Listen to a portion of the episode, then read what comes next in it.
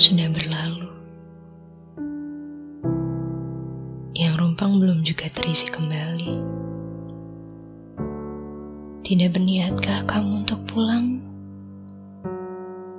Mendengarkan keluh ceritaku menjadi penenang cemasku.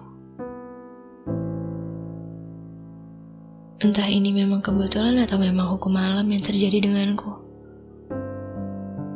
Maaf karena selalu mengulur waktu untuk menyatakan yang seharusnya dinyatakan. Tapi perasaan itu memilih jatuh pada hatiku.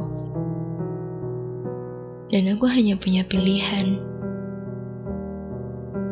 antara menyatakannya atau membiarkannya. Membiarkannya begitu saja atau membiarkan kesempatan itu diambil oleh orang lain.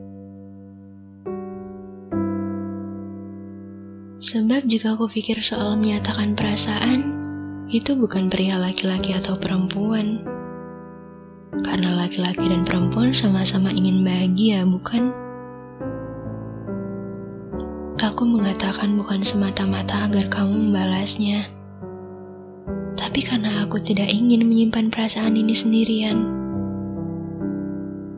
Sebab tugas orang yang menyatakan perasaan hanyalah menyatakan perasaan hanya untuk memberitahu bahwa aku punya perasaan, bukan memastikan bahwa itu terbalas.